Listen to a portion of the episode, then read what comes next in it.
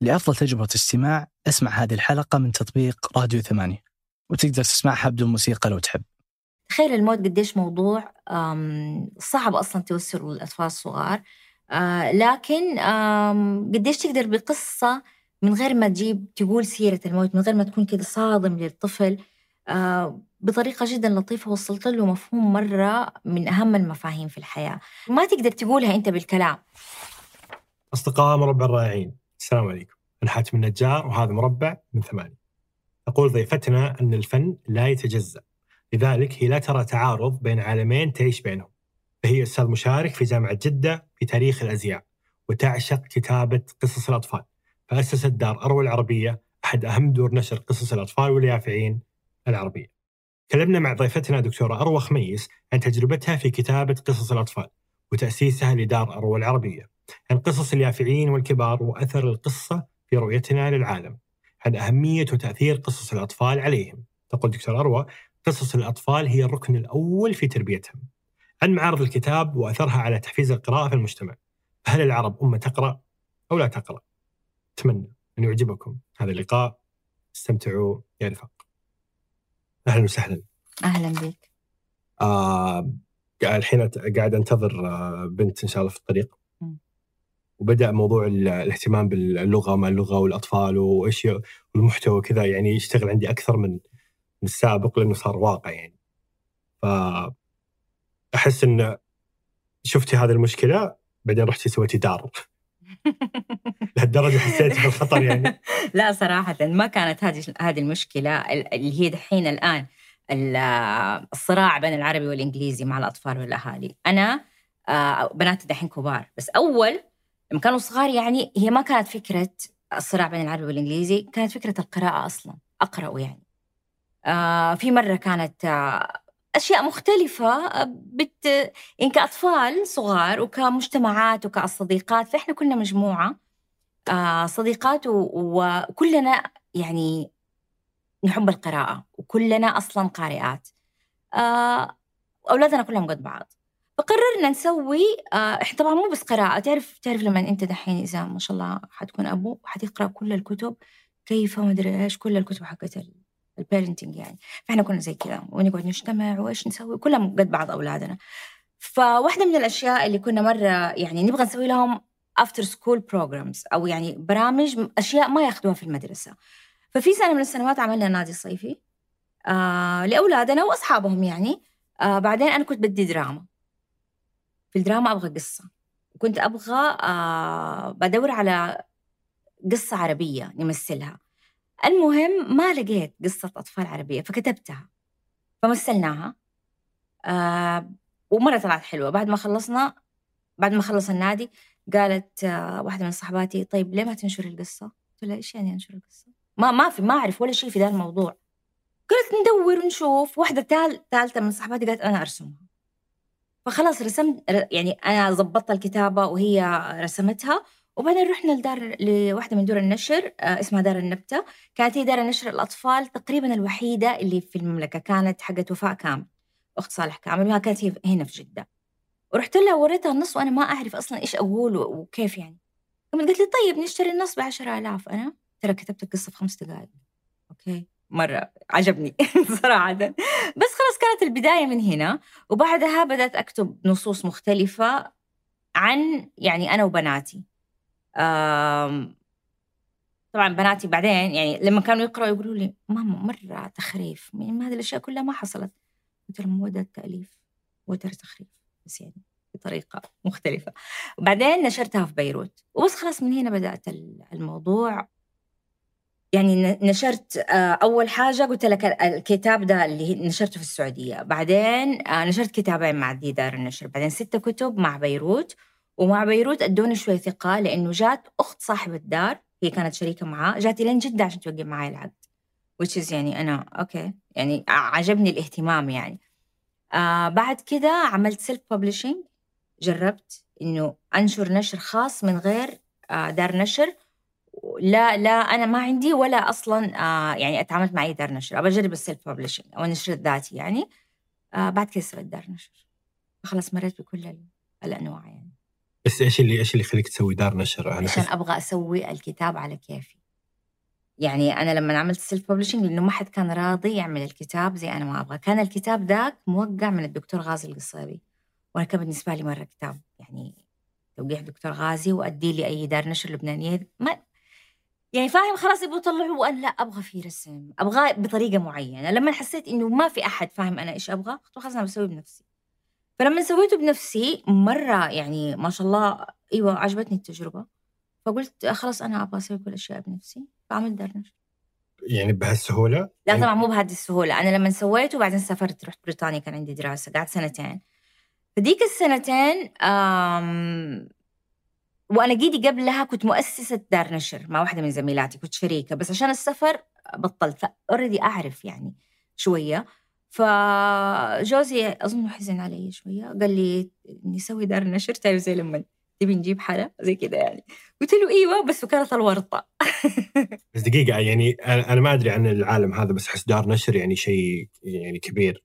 يعني هل عندكم آه، فلوس؟ عندكم؟ عندنا فلوس. في كانت فلوس من مبيعاتي اللي فاتت فقلنا خلاص نستثمر يعني قصدي إيه- إيه إلى أي درجة سهل أو صعب الواحد يسوي نشر؟ آه لا ما هي ما هي سهلة مو عشان الفلوس عشان الخبرة.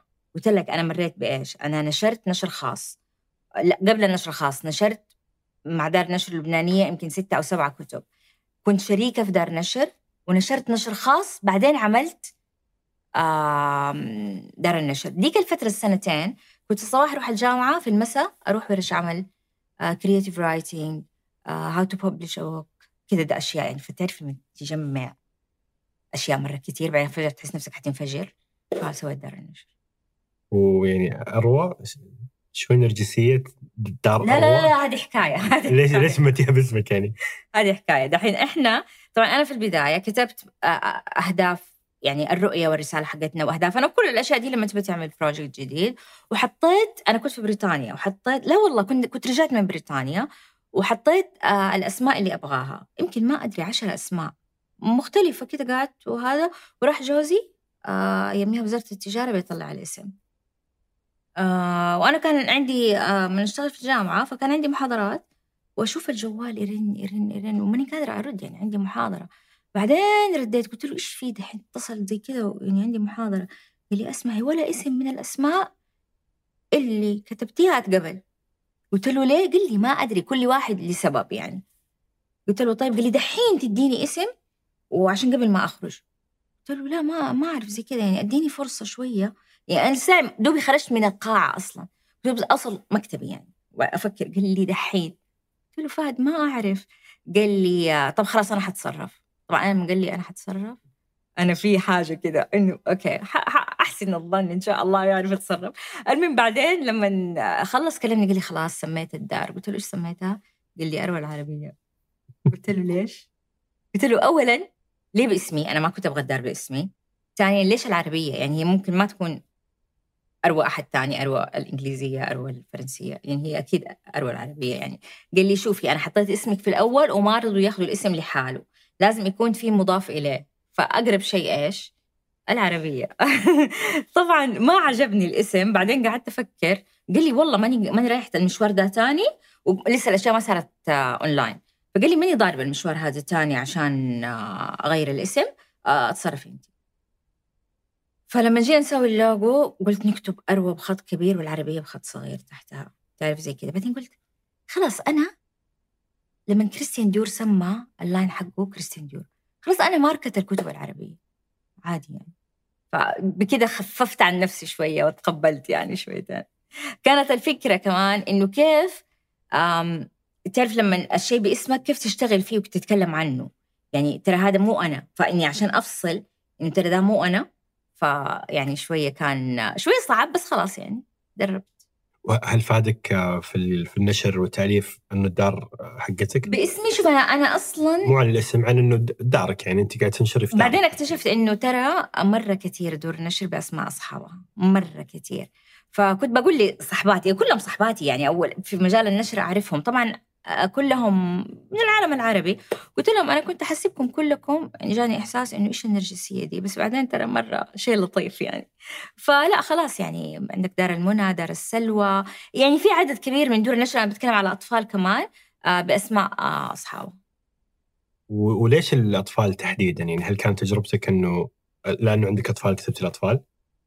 هي شوف البداية اللي حكيتك هي قلت لك إنه آه يعني أنا كنت أبغى قصة عشان آه آه نمثلها فعشان كده أنا كتبت. لكن كموضوع كتابة لا طبعا. أنا أكتب مرة من زمان من لما كنت صغيرة بس ما قد نشرت. كتبت في جرايد آه كتبت في مجلات أكتب لنفسي يعني.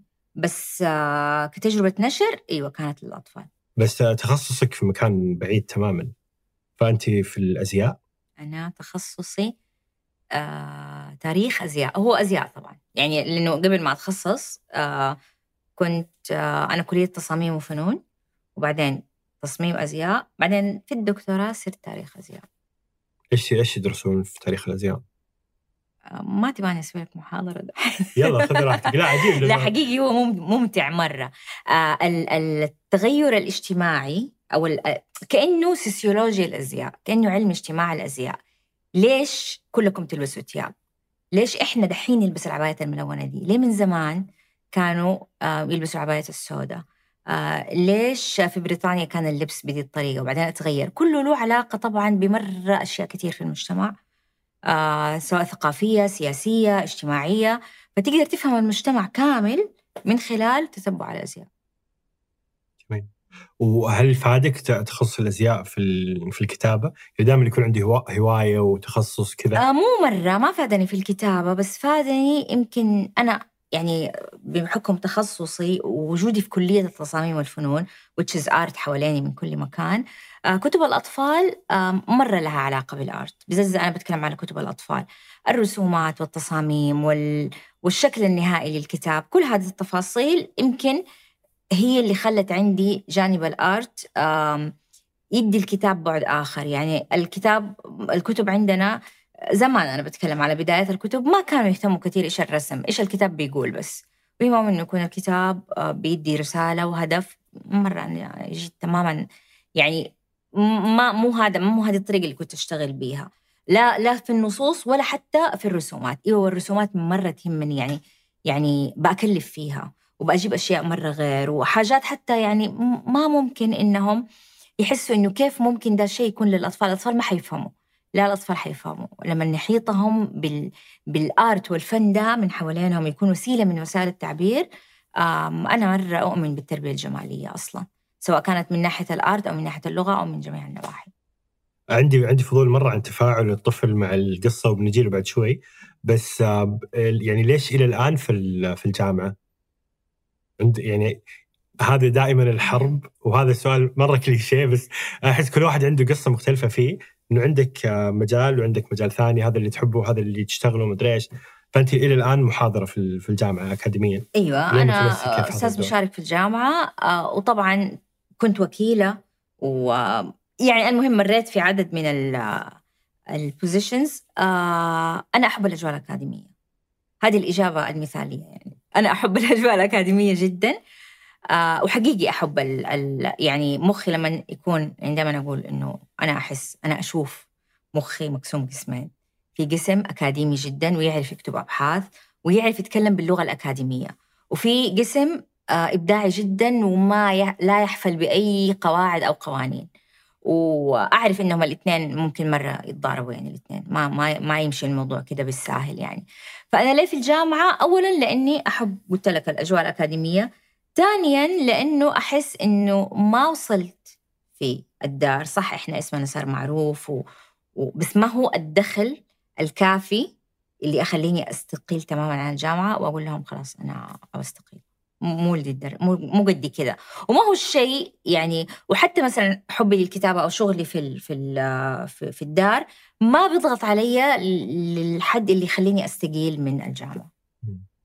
هذه هذه الثنائيه أحس مهمة مهمة حلوة في ال- في الحياة. انه يكون عندك ال- الشيء اللي اللي تحبه بس ما في ضغوطات إنك عايش عليه فما تضطر تاخذ تنازلات لأنه دائما لما الواحد يجمع هذول الاثنين أحس يصير يتخذ ياخذ تنازلات ما نفسه ياخذها يعني أيوه ما كنت بحط نفسي إني إني أضطر يعني كنت تنشري يمكن قصص. من نوع ما ودك أيوه تنشري مرة لأنه ابدا بس ما كنت أبغى آخذ هذا الخط لأنه أصلا يعني في النهاية أنا بسوي أو بدأت. يعني الكثير يقولوا إن هذه هواية هي ما هي هواية هو شيء أنا صح بدأته هواية من من قبل ما أدخل الجامعة أصلا من زمان وأنا في المدرسة موضوع الكتابة يعني هو حتى أكثر من هواية هو طريقة تعبير طريقة حياة يعني آه لكن أنا ما أحب أخذ الموضوع إنه هواية لأنه أنا أخذته سيريس بس من غير ضغط يمكن. يعني هذا هذا الشيء اللي بحسه دائما.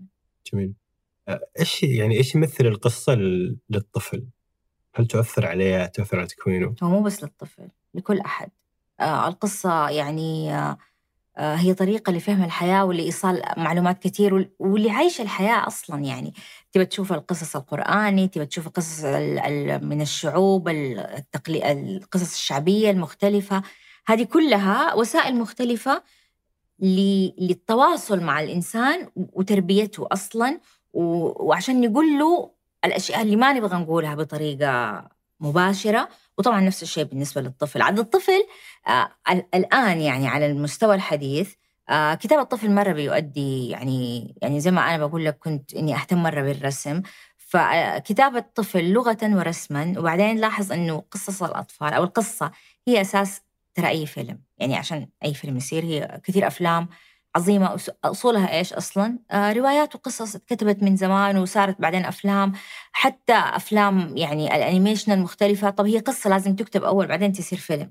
ففي النهاية القصة أساس لأعمال يعني إبداعية وفنية وتعبيرات مرة كثير آه ممكن مو بس في حياة الطفل حتى في حياتنا إحنا يعني. هل الطفل يفرق بين الواقع والقصة؟ آه الطفل دائما أحب أتعامل معاه إنه ما هو غبي. آه يقدر يعرف حتى لو استخدمت أقصى خيالك يعني اللي يحبوا هاري بوتر هي هاري بوتر للأطفال الكبار شوية بس ترى مرة يعرفوا إنه السحر بذي الطريقة أو أكاديمية السحر دي ما هي موجودة في الحقيقة يعني. من غير ما تقول خلاص هو يعرف ما هو هذا هو آه، يعني إنه ياخذ الخبرة آه، من الحياة يتعلم شوي بشوي يعرف الفرق بين يعني لما يجوا يقولوا لي زي كذا مثلا لا تكتبي قصص قد كذا خيالية آه الطفل يتلخبط. لا الطفل ما يتلخبط. الطفل كذا بتوسعي آفاقه إنه روح لأقصى حد فكر بأقصى حد. مع يعني يوم بعد يوم لا خلاص حيقدر يقدر يحط الحدود بين الواقع والخيال. وما قد سمعنا طفل مثلا إنه دخل في الخيال مرة لدرجة إنه مثلا ما أعرف سوى أي شيء سيء أو شيء. لا مو زي كذا ما هو أنا متأكدة إنه اللي اخترع الآيباد آه ولا اللي يعني فكر فيه كان عمره يتخيل إنه في يوم من الأيام ممكن بضغطة زر يكلم واحد ويشوفه في بلد تانية. ما يعني أكيد كانت خيال كانت قصة خيالية جدا يعني. بعدين دحين صارت حقيقي. غير طبعا اللي حأصل دحين في ال... في يعني ال... ال... عموما الميديا ولا مثلا وسائل التواصل وقديش إحنا بنوصل كل هذه أفكار ترى يعني أحيانا أقول أنا ترى والله في تنبؤ.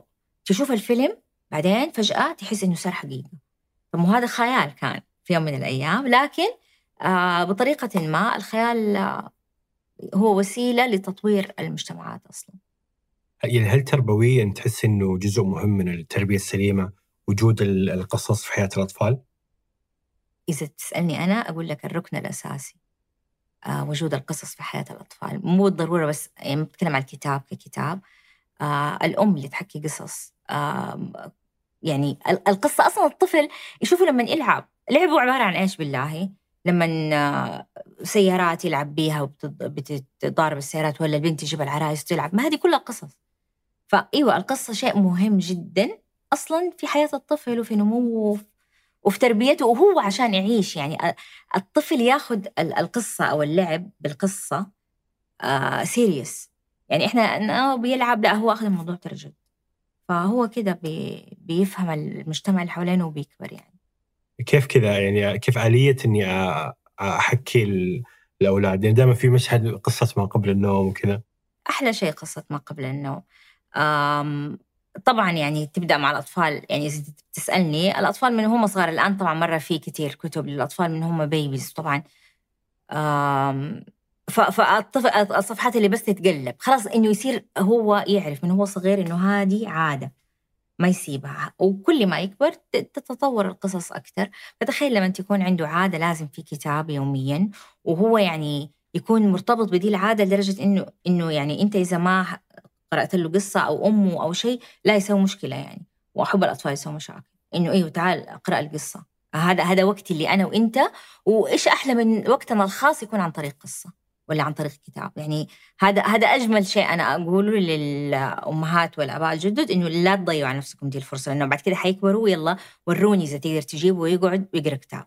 بعدين تقول ولدي ما يقرأ. أيوه ما يقرأ طبعا أنت ما بدأت معه من هو صغير. أحيانا أشوف قصص للأطفال أعيش في بيتين أمي منفصلة أمي ادري إيش هل القصص ممكن تعالج مشاكل محددة؟ مثل الطلاق مثلا وفاة أحد الآباء. يعني هل ممكن تكون علاجية أصلا؟ جدا؟ جدا. يعني شوف آه، موضوع اللي هي تكلمت عنها موضوع الانفصال. إيوه في قصص رهيبة. وأنا يعني كم مرة بيجوني أمهات بيسألوني نبغى قصص عن عن الطلاق. نبغى يعني ما إحنا فيش نقول لأولادنا. فالقصة تخفف شوية أو تخلي الأم تلاقي لها آه طريقة إنه تتكلم مع أولادها أو المعلمة أو وات يعني الجاردين يعني. ف مثلا يعني موضوع الطلاق. أنا مثلا في الدار عندي قصص عن الموت. تخيل الموت قديش موضوع صعب أصلا توصله للأطفال الصغار. آه لكن قديش تقدر بقصة من غير ما تجيب تقول سيرة الموت من غير ما تكون كده صادم للطفل. آه بطريقة جدا لطيفة وصلت له مفهوم مرة من أهم المفاهيم في الحياة. آه الفقد أو يعني المشاكل مختلفة. عندي قصة جديدة عندنا عن السرطان عن طفلة السرطان. والقصة ما تقول إنه هي عندها سرطان بس من الرسومات أنت تقدر تعرف. وتعلم الأطفال سواء هو عنده سرطان أو ما عنده آه، التعاطف مع آه، يعني أطفال آخرين عندهم مشاكل من نوع آخر. فأيوة يعني طبعا القصة تعلم أشياء زي كذا مرة كثير ما تقدر تقولها أنت بالكلام. فهي خلاص من خلال القصة بيتعلمها الطفل. كيف تبني قصة أطفال؟ إيش فرقها يعني عن القصة العادية؟ شوف قصة الأطفال أصلا يعني كعالم كتب الأطفال أو قصص الأطفال هي نفس آه، التقسيمة حقت قصص الكبار أو القصة للكبار يعني لازم يكون في مقدمة لازم يكون في شخصيات لازم يكون في حبكة لازم يكون في نهاية نفس الشيء إيش الفرق؟ الفرق في المواضيع آه المواضيع مرة مختلفة وهذا اللي تخلي القصة آه أحيانا آه تحمس الطفل ويبغى يشتريها واحيانا لا المواضيع. لما تيجي أنت تبي تقول له موضوع أنت شايف إنه آه بر الوالدين مهم. تقوم تيجي تقول له آه بتعمل قصة عن بر الوالدين. ترى هذه قصة لك أنت وللأمهات. ما يعني أوكي قرأها معك بس ما حتعجبه لكن لكن أعمل له قصة آه عن مشاكل الأطفال والأمهات مثلا أنا عندي قصة واحدة من القصص اسمها رومي. أنا رومي أحب أمي ولا أحب الفساتين الوردية.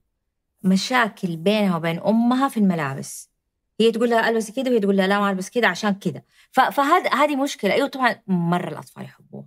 ففي النهاية أتكلم بالشيء بلغتهم بمنطقهم بنظرتهم. مو بالشيء اللي أنت تشوفه صح. لا تتعامل معاهم إنه أنت أكبر وإنه تعالوا أقرأوا هذه القصة.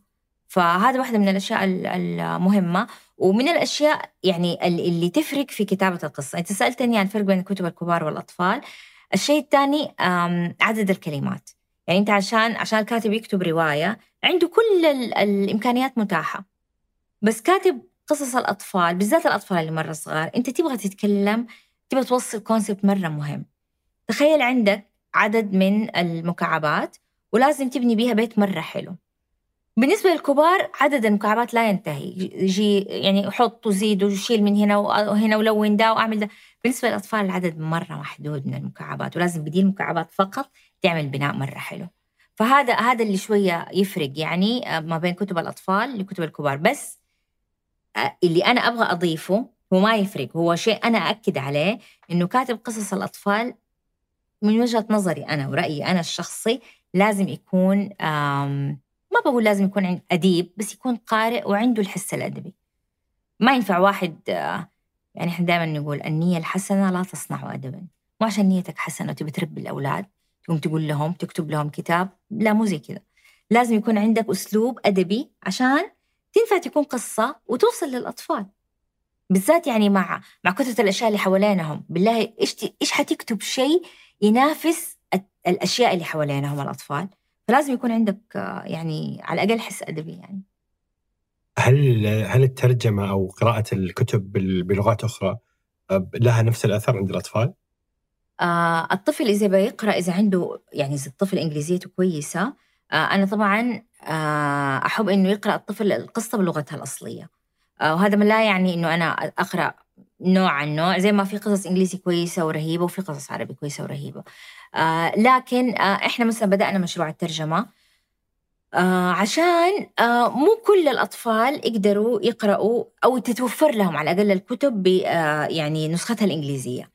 واحيانا أحس إنه في بعض الكتب رهيبة مرة حلوة أنا ما أبغى أترجمها عشان إنه إحنا ما عندنا كتب كفاية لا عشان أنا أبغاها تكون موجودة بالعربي. حقيقي كده يعني تعرف إحساس الغيرة؟ أنا ذا الكتاب يكون موجود باللغة العربية. فعشان كده بس إنه هو بيضيف للمكتبة العربية إنه بيصاغ باللغة العربية و يعني أنا أحس إني أنا مبسوطة إنه موجود ده الكتاب باللغة العربية ترجمته باللغة العربية. وقلت لك مو عشان إنه عندنا قصور عشان أنا أبغى ذا الكتاب بدا الرسم بدا الطريقة بهذه الصياغة يكون موجود بالعربي. في فيديو شفته قبل فترة واحد كان في مكتبة في سان فرانسيسكو في أمريكا. يمكن نص الكتب على الأقل اللي هو صورها يعني فهو قاعد يمشي وي- ويطالع. فانا مثلي آه، ابوين مثليين؟ آه، أب transgender كيف تتربى؟ في مدري إيش. فكارثه يعني المواضيع هذه المواضيع عن كيف يعني المواضيع الم- ال- الرائجه الآن يمكن في الإعلام الغربي وكذا آه، للأطفال. فما ما تحسي ال- القراءة بلغة ثانية؟ فيها هذا ال- ال- الخطر كيف هو كده كده الأطفال؟ لازم يتعلم اللغة. فإذا تعلم اللغة يعني أنا إذا كنت للسعي أنا اللي بأوفر له الكتب أو بأكون حريصة إيش- إيش يقرأ آه، فلازم أنتبه طبعا. ما هو أصلا مو بس في القراءة مو بس في الكتب يعني الأسهل وال- والأكثر بيوصل لهم عن طريق الميديا يعني. بتوصل دي الأمور آه، جدا. ف- فالفكرة ما هي في الكتب الفكرة إني أنا أتكلم معاه عن دي المواضيع وأبين له كيف هو ممكن ياخذ موقف تجاهها من غير ما يكون من غير ما يتصادم مع مع يعني أفراد المجتمع التانيين whatever يعني هو كان عايش في أي بيئة. لاحظ إنه في أطفال كثير عايشين برا مع أهاليهم سواء دراسة أو يعني أي شيء. يعني أنا بنتي دحين في الجامعة بتدرس برا. فأول سؤال أول سؤال سألهم هو قولوا لنا الضمير اللي تبغون نخاطبكم به قالت لي ماما أنا اتلخبطت طب اللي تقول اللي هي شكلها بنت أصلا تبغى تتخاطب به فتقول لي أتخ... يعني لازم لازم أحفظ. طبعا جاء م- آه، آه، ذم كمان اللي هو يعني ما هو عارف هو هنا أنتم. ولا هنا. أيوه. بالعربي ما تترجم المشكلة. فيعني فاحس إنه لا ما في ما في خطر لأنه الخطر ممكن جاي من أي جهة سواء من الميديا سواء من أي جهة بيتعرض لها الطفل. آه فما أبغى أحمل الكتب إنه تكون بلغة أجنبية آه مسؤولية آه هذا الخطر. هل يعني تقري ال- القصص أو الآباء غالبا يقروا القصص أصلا قبل لا يعني يش- يش- يشتروها من المفترض. تجربتكم؟ المفترض. أنا يعني أنا شخصيا إيوه أقرأ القصص آه، قبل ما أشتريها. واحيانا يعني بناتي لما صاروا شوي كبار وبيقرأوا كتب اللي هي حقت التينيجر. آه، أنا ما أترجم كتب هذه المرحلة لأني أعرف مرة كويس إنه فيها محظورات كتير آه، ما عندي استعداد أترجمها. وبعدين يعني في البيئة في السياق في كذا يعني. لكن أنا كنت أنا عارفة الكتاب ده لما هي بتقرا وهي تيجي تناقشني فيه. طبعا مو كل الأمهات زي كذا آه لكن هي الطريقة الوحيدة إنه الأم تكون أو الأب يعني يكونوا عارفين إيوه طفلهم إيش بيتفرج مو بس إيش بيقرأ. إيش بيتفرج وإيش بيقرأ و- وما تقدر تمنع عنه. خلاص أنسى موضوع المنع ده. تماما آه يعني ما حد يقدر يسويه. لكن الحوار حوله والحديث. والنقاش فقط. هل يقروا ال- القصص يعني أكثر من مرة؟ الأطفال؟ ولا هي مرة مرة واحدة وخلاص لا يفهم القصة؟ طبعا. الطفل الصغير بالذات إذا عجبته القصة وهو عارف الأحداث مستعد ترى يسمعها كم مرة. لا مو مستعد يبغى يسمعها كم مرة. خليني أقول لك شيء إحنا الكبار. دحين كلنا نعرف قصة مثلا آه علاء الدين صح؟ نعرفها من زمان ما أعرف من خلال الطفولة من خلال المدري. لما صارت فيلم آه كلنا شفنا الفيلم. لما صارت اتكتبت قصة يعني أنا عن عن نفسي آه، قصص من قصص الأطفال آه، شفت آه، يعني شريت القصة وقرأتها كنت في عمر أصغر طبعا. آه، لما صارت الفيلم اللي هو ال animation كلنا شفنا وكلنا نعرف إيش صار. ترى كلنا نعرف الأحداث. لما صارت مسرحية ما خليت في بريطانيا مسرحية وكلها أعرفها القصص بالعكس أنا أحب أروح, أروح مسرحية القصة أعرفها. آه سندريلا بيتر بان مسرحيات أخرى اللي روايات أصلا أعرفها. آه البؤساء مثلا خلاص أعرف قصة البؤساء وقريتها رواية وشفتها فيلم و... يعني مرة كثير. لكن المسرحية يعني كنت حريصة جدا إني أحضرها. وطبعا يعني كمية الاستمتاع والرضا لما حضرت المسرحية. فلا ما هو بالضرورة إنك أنت تعرف الأحداث فخلاص يكفي. والطفل نفس الشيء. وعندي يعني من من قصصنا في عندي بنت أختي صغيرة وفي واحدة من القصص أنا عملتها للعمر اللي مرة صغير. الكاتبة هي الرسامة الكاتبة والرسامة يعني اشتغلوا مع بعض. البرودكشن حق القصة مرة حلو الرسم حق القصة. فجبتها البنت أختي وكل مرة هي هي عايشة ما هي في جدة هي في الخبر. وكل مرة أمها تقول لي نبغى قصة تانية من قصة توتة هي اسمها توتة. أقول لها كم واحدة؟ تقول لي والله والله من كثر ما تقرأها هي هي حريصة عليها مرة بس من كثر ما بتقرأ بتنهري القصة. فقلت لها والله أنتم مرة يعني زباين ممتازين فكل مرة نجيب لها قصة لأنه القصة اللي بتقراها مليون مرة واللي تعرفها واللي صارت حفظتها وبتسمعها الجميل إنه صارت هي بتحط أحداث. يعني هي هي تألف أشياء أخرى فيعني ما تعرف الأطفال صراحة دائما عندهم طريقتهم الخاصة في التعامل معه. عمر صغير جدا كم كم يعني؟ آه، ثلاث سنين سنتين ومن من هذا العمر يبدأ أصلا إمكانية قراءة القصص؟ لا من عمر شهرين ثلاثة شهور شهرين؟ كيف كيف نقرأ قصص الواحد عمره شهرين؟ تجيب القصص اللي مرة صغيرة اللي هي ال board books يبدأ يشوف بس الألوان فيها حلو تبدأ تعر... تعرفه حكاية إنه في كتاب. الكتاب ده اللي هي ال board books اللي هي القاسية ممكن يكون جزء من ألعابه. أنت اليوم بتقرأ له هو بس بكرة حيشوفه ويفتح الصفحة يشوف شيء. كده يعني خلاص تكون جزء من يومه جزء متعود يشوف كتاب ويعرف إنه هذا كتاب ويعرف إنه هذا يتقرأ. أنت تقرأ له يوم هو يجي يقلدك فيقرأ بطريقته. أصوات ما هي مفهومة ما تعرف إيش بيقول. آه بعدين يغير في لما شوية يعني لغته تتحسن يغير في الأحداث تماما وأحلى شيء ده لما يغير لك في الأحداث وتشوفه إنه هو بيتضارب مع نفسه وبيقول أشياء ت... يعني الموضوع حلو ترى ممتع يعني. أنا أنا بالنسبة لي أقول للأمهات والأباء استمتعوا بدي بدي المساحة يعني الخاصة. من شهرين آه إلى اليافعين. وهذه يمكن المنطقة اللي قصص القصص فيها أقل بكثير من قصص الأطفال. في عالمنا العربي آه ما هي مرة متوفرة. هو مو إنه أقل هو اليافع اليافع اللي كم يكون عمره؟ 12 سنة وفوق هو يقدر يقرأ كتب كبار. آه يعني أنا مثلا في أيامي ما كان في كتب يافعين لكن خلاص كنت أقرأ روايات. يعني أنا قرأت آه، مثلا أتذكر هيمنغواي والشيخ والبحر وقصص عالمية والبؤساء ومدري كل دي القصص. ترى قرأتها مرة من عمر صغير أظن 12 أو 13 سنة. آه فخلاص هي موجود. يعني أنا أقصد إنه اللي بنسويه إحنا في كتب اليافعين إن بنكتب آه، مواضيع آه، تهمه.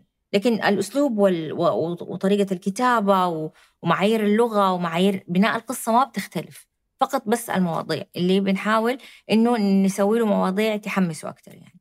هل في لأنه في الدار عندكم كتب اليافعين كثيرة، هل في طلب عليها زي طلب الأطفال؟ مرة. مرة. كتب اليافعين. ويشتروها نفس الشباب ولا الأمهات والآباء؟ لا ما يشتروها الأمهات والآباء. استنى اشتروها الأمهات لنفسهم مو عشان تقرأها لأولادها لنفسها لأنه بالذات الأمهات اللي عمر صغير آه إيوه يعني يعني كتبنا حقت اليافعين مكتوبة بطريقة إنه حتى الكبار يعني يعني أنا أعرف إنه الجامعة يعني طلاب الجامعة مرة آه، يحبوا يقرأوا ده النوع من الكتب آه فلا بالعكس لها لها جمهورها ومن الكبار والصغار. استغربت إنه في رسومات في كتب اليافعين عندكم. استنى علي شوي حسوي حتى في كتب الكبار. كتب الكبار. حتسوي رسومات. إيش ليش لا؟ ليش؟ امتاع للنظر أحس لو فتحت الروايه لقيت في رسومات تحس بحس إني طفل يعني. والله العظيم في كتب إنجليزية اسمها graphic novels قد كذا رواية. الرواية تقرأ مثلا يعني الروايات اللي عندي يعني تقرأ آه، فصل أو بلاش فصل مثلا عشر صفحات مكتوبة كتابة كتابة كتابة. بعدين عشر صفحات ولا ثلاث صفحات ولا whatever مرسومة. انت لازم تكتشف أو تشوف كيف السياق يمشي. ترى مرة تحدي تحدي جميل وتغذية بصرية رهيبة. يعني حتى الكتاب كله مرسوم بالأسود والأبيض ورسم رسم كبار يعني. فبالعكس يعني أنا الآن عندي آه إن شاء الله تكون قريبا قريبا يعني محاضرة اسمها السرد المرئي. كيف إنه السرد ممكن يكون مرئي أصلا؟ وكيف إنه هذا الشيء مو إحنا اللي سويناه مو إحنا اللي اخترعناه ولا ولا الكتب الأجنبية. يا أخي من زمان المقامات مثلا روح روح المتحف الإسلامي.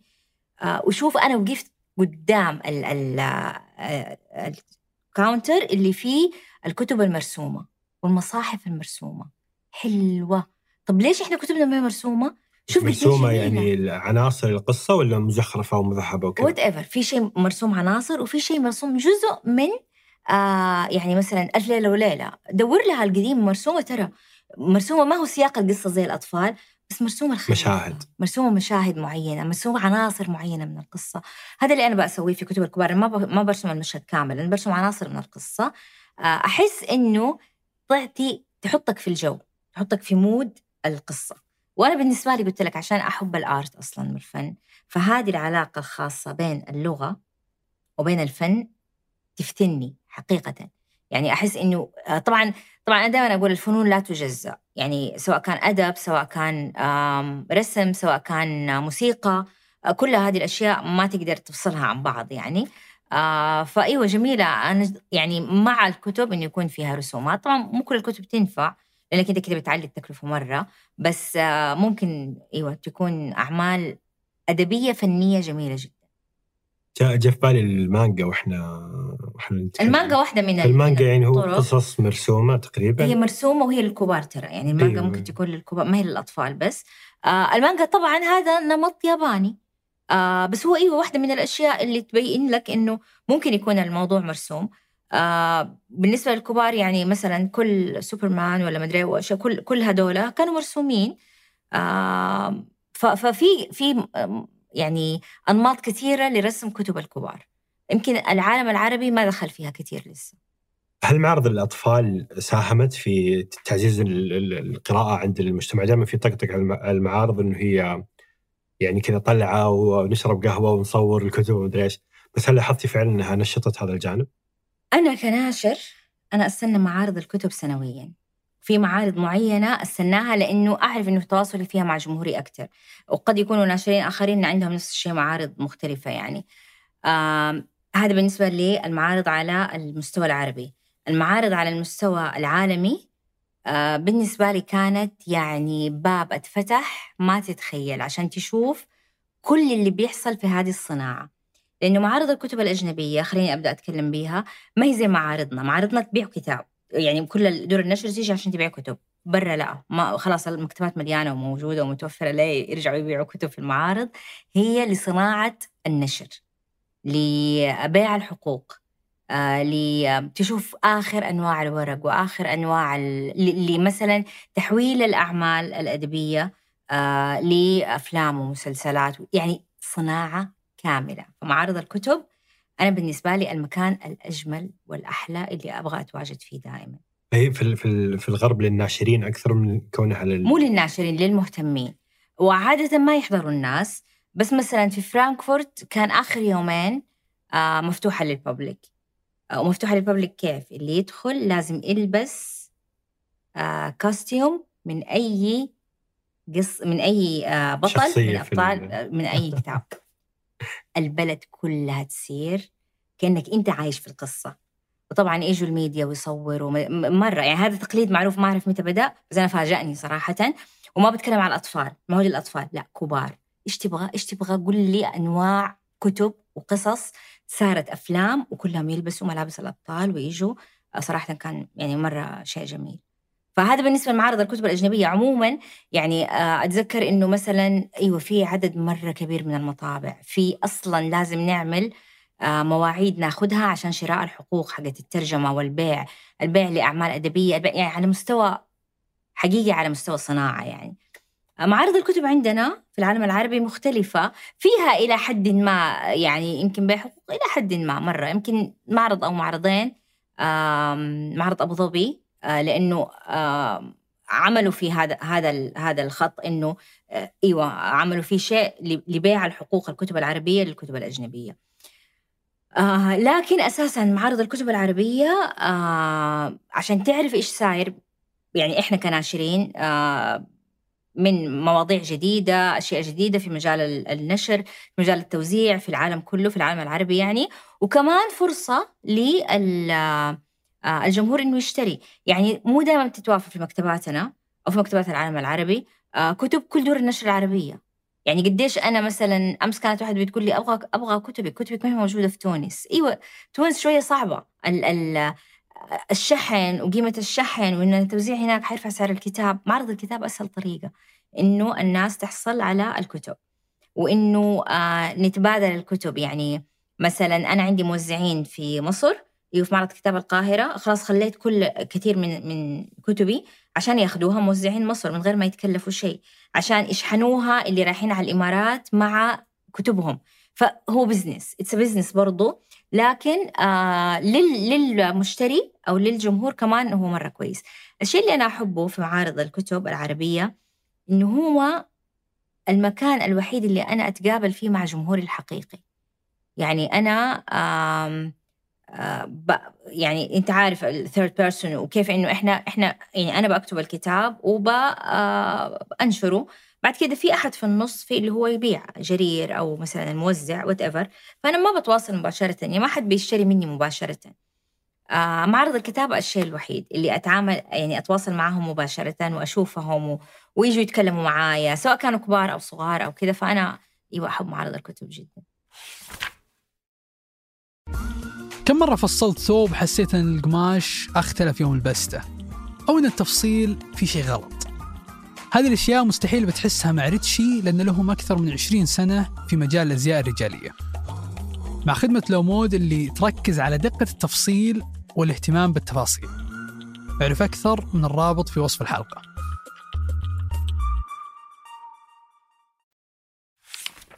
بس هل ساهمت في رفع معدل القراءة عند العرب؟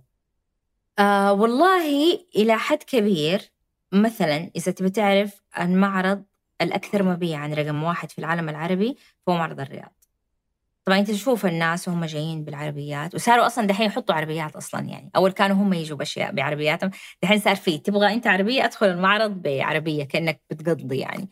فأتوقع إنها مو ساهمت على الأقل غطت جاب كان موجود والناس تستنى المعارض عشان آه تشتري كتب كتير تبغاها من أول وأنت شوف القوائم اللي بتنزل قبل معارض الكتب. إنه هذه الكتب نبغاها متوفرة أو هذه الكتب إذا نزلت هذا الكتاب تشتريه من الدار النشر الفلانية وهذا من كده فبالعكس حلو هذا يعني التفاعل الثقافي سواء كان بين الجمهور أو بين القراء يعني آه وبين آه الناس اللي ما يحبوا القراءة ويروحوا المعرض لأغراض أخرى يمكن مع الزحمة مع مدري إيه، ويشوفوا ويكون أول كتاب قرأوا عن طريق المعرض عن طريق البرامج اللي بتتعمل في المعارض أصلا دحين بالذات يعني مع آه يعني هيئة الأدب والنشر والترجمة صارت بتصير أصلا في المعارض آه events كتير دورات وورش عمل دورات وورش عمل وتوقيع للكتاب ولقاء بين الكاتب ومثلا يتكلم عن واحد من كتبه. وهذه من أجمل الأشياء يعني حقيقه يعني حتى لما كنت في يعني معارض برا من أجمل الأشياء اللي تصير واللي يعني يكونوا حريصين عليها لأنها ممكن تزيد في المبيعات لأنها ممكن تعرف الكتب أكثر لأنها ممكن تنقل الكتاب لمستوى آخر آه ميديا أو أو شيء مختلف يعني. آه هذه اللقاءات الثقافية اللي تكون في معارض الكتب. دائما في العرب أمة تقرأ أمة ما تقرأ؟ فهل العرب أمة تقرأ؟ آه العرب أمة تقرأ لكن تحتاج شوية آه تشجيع. يعني آه وتحتاج يتوفر لها الكتاب الجيد. يعني أحيانا أقول طيب هم يبغوا يقرأوا بس ما هم لاقين آه يعني أنا بتكلم عن الأطفال. ما هم لاقين الكتاب الجيد اللي يحمسهم. الأطفال إذا لقوا الكتاب ترى يعني إذا لقوا الأجواء اللي تساعد بس أجواءنا ما هي أوكي الآن مرة أختلف الوضع عن قبل أنا ما بدأت يعني. أنا ب... أنا ناشرة وبشوف الاختلاف يعني. آه، أصلا فكرة انه الطفل يقرأ ما صارت فكرة مستنكرة أو جديدة. أول كانت غريبة على المجتمع أصلا إنه يعني ما ليش صغير ويقرا ونشتري له كتاب ويقطع الكتاب وخلينا نشتري له لعبة أحسن و... ويا ما أنا شفت في معارض الكتاب يعني آه، أطفال يعني في عندي قصة. دخل هو وأبوه والأبو كذا يعني ولد بلد وكذا يعني. وهو شاف قصة من بعيد يبغاها. فلما قلنا له عليها آه، يعني آه، جبت له هي قال بكم؟ أظن كانت ب 20 ريال 25 قام طلع الأبو؟ قال له بالله تعال اشتري لك وجبة بيك. طبعا أنا تقهرت وسكت. يعني حتى يعني أوكي يعني غذاء يعني ما ماني عارفه إيش أقول. بس اتقهرت مرة في قلبي والولد يطول فيا. ولو إنه مو عيب كان اديته ببلاش بس أنا خفت كمان من أبوه. يعني يقول إيه إحنا ما إحنا محتاجين لأنه باين انه هو يعني ولد ناس. فسكت. آه وما عرفت كيف صراحة أتصرف. بس حزنت. مرة حزنت على الولد اللي يطول فيا كذا إنه يبغى الكتاب. ما عرفت إيش أسوي. فهذه واحدة من ال يعني يعني آه، توريك إنه مو دائما الأمهات والأباء بيشتروا كتب لأولادهم. فخليني أنا أتصرف معاهم وأتقابل معاهم مباشرة أحسن. ويأثر يعني الطفل لما يقرأ من بدري آه، فتحسن عنده عادة القراءة؟ طبعا. حتى لو أنت قرأت له يعني شوف أنا أحب القراءة المسموعة. حتى أولادي لما كبروا وصار ولدي خلاص كبير وصرنا نقرأ كتب كبار هو صار يقرأ كتب خاص لحاله آه وخلاص صار يعني في, ما أدري خامس ولا سادس ابتدائي يعني ما يحتاج لكن يعني الجلسة والحميمية اللي فيها والكلام اللي والتعليقات آه والأصوات اللي تترفع واحيانا لما كانوا أصغر حتى أولادي آه انت اقري صفحة وإحنا نقرأ صفحة ويحاولوا يمثلوا القصة وكذا. فهو هي هو بروسيس آه ممتع ما له علاقة بالعمر. الآن بنتك الله يحفظها اللي في الجامعة آه، بينكم نفس علاقة القراءة بس على كتب أكبر؟ آه بناتي اثنين في الجامعة آه واحدة منهم واحدة طب طبعا ومال أمها في تقرأ كتبها كتب الخاصة. الطب أيوه ويعني خلاص كتب علمية وأشياء زي كده. يعني أحس أنا من الترف إني أنا أقدم لها كتب أخرى صراحة. الثانية لا هي حتى بتشتغل معي في الترجمة. هي إنجليزيتها مرة ممتازة. فهي مساعدتي الأولى في الترجمة صراحة. آه، وقبل كده لما كانت أصغر كنت آخذ رأي بالذات هذه لأنها هي قارئة جدا. كنت آخذ رأيها إنه إيش رأيك نترجم ذا الكتاب ولا ذا الكتاب؟ أية أحلى؟ فلا كانت يعني لها وجود جدا ولها كتابات وقلت لها طوري الكتابة ووعد إني أنا أنشر لك. أفتح لك دار آه، خاصة. لا قلت لها بس أنشر لك. ما انشر لك عشان أمك صاحبة الدار بس عشان يعني كتابتك لازم تكون على المستوى المطلوب.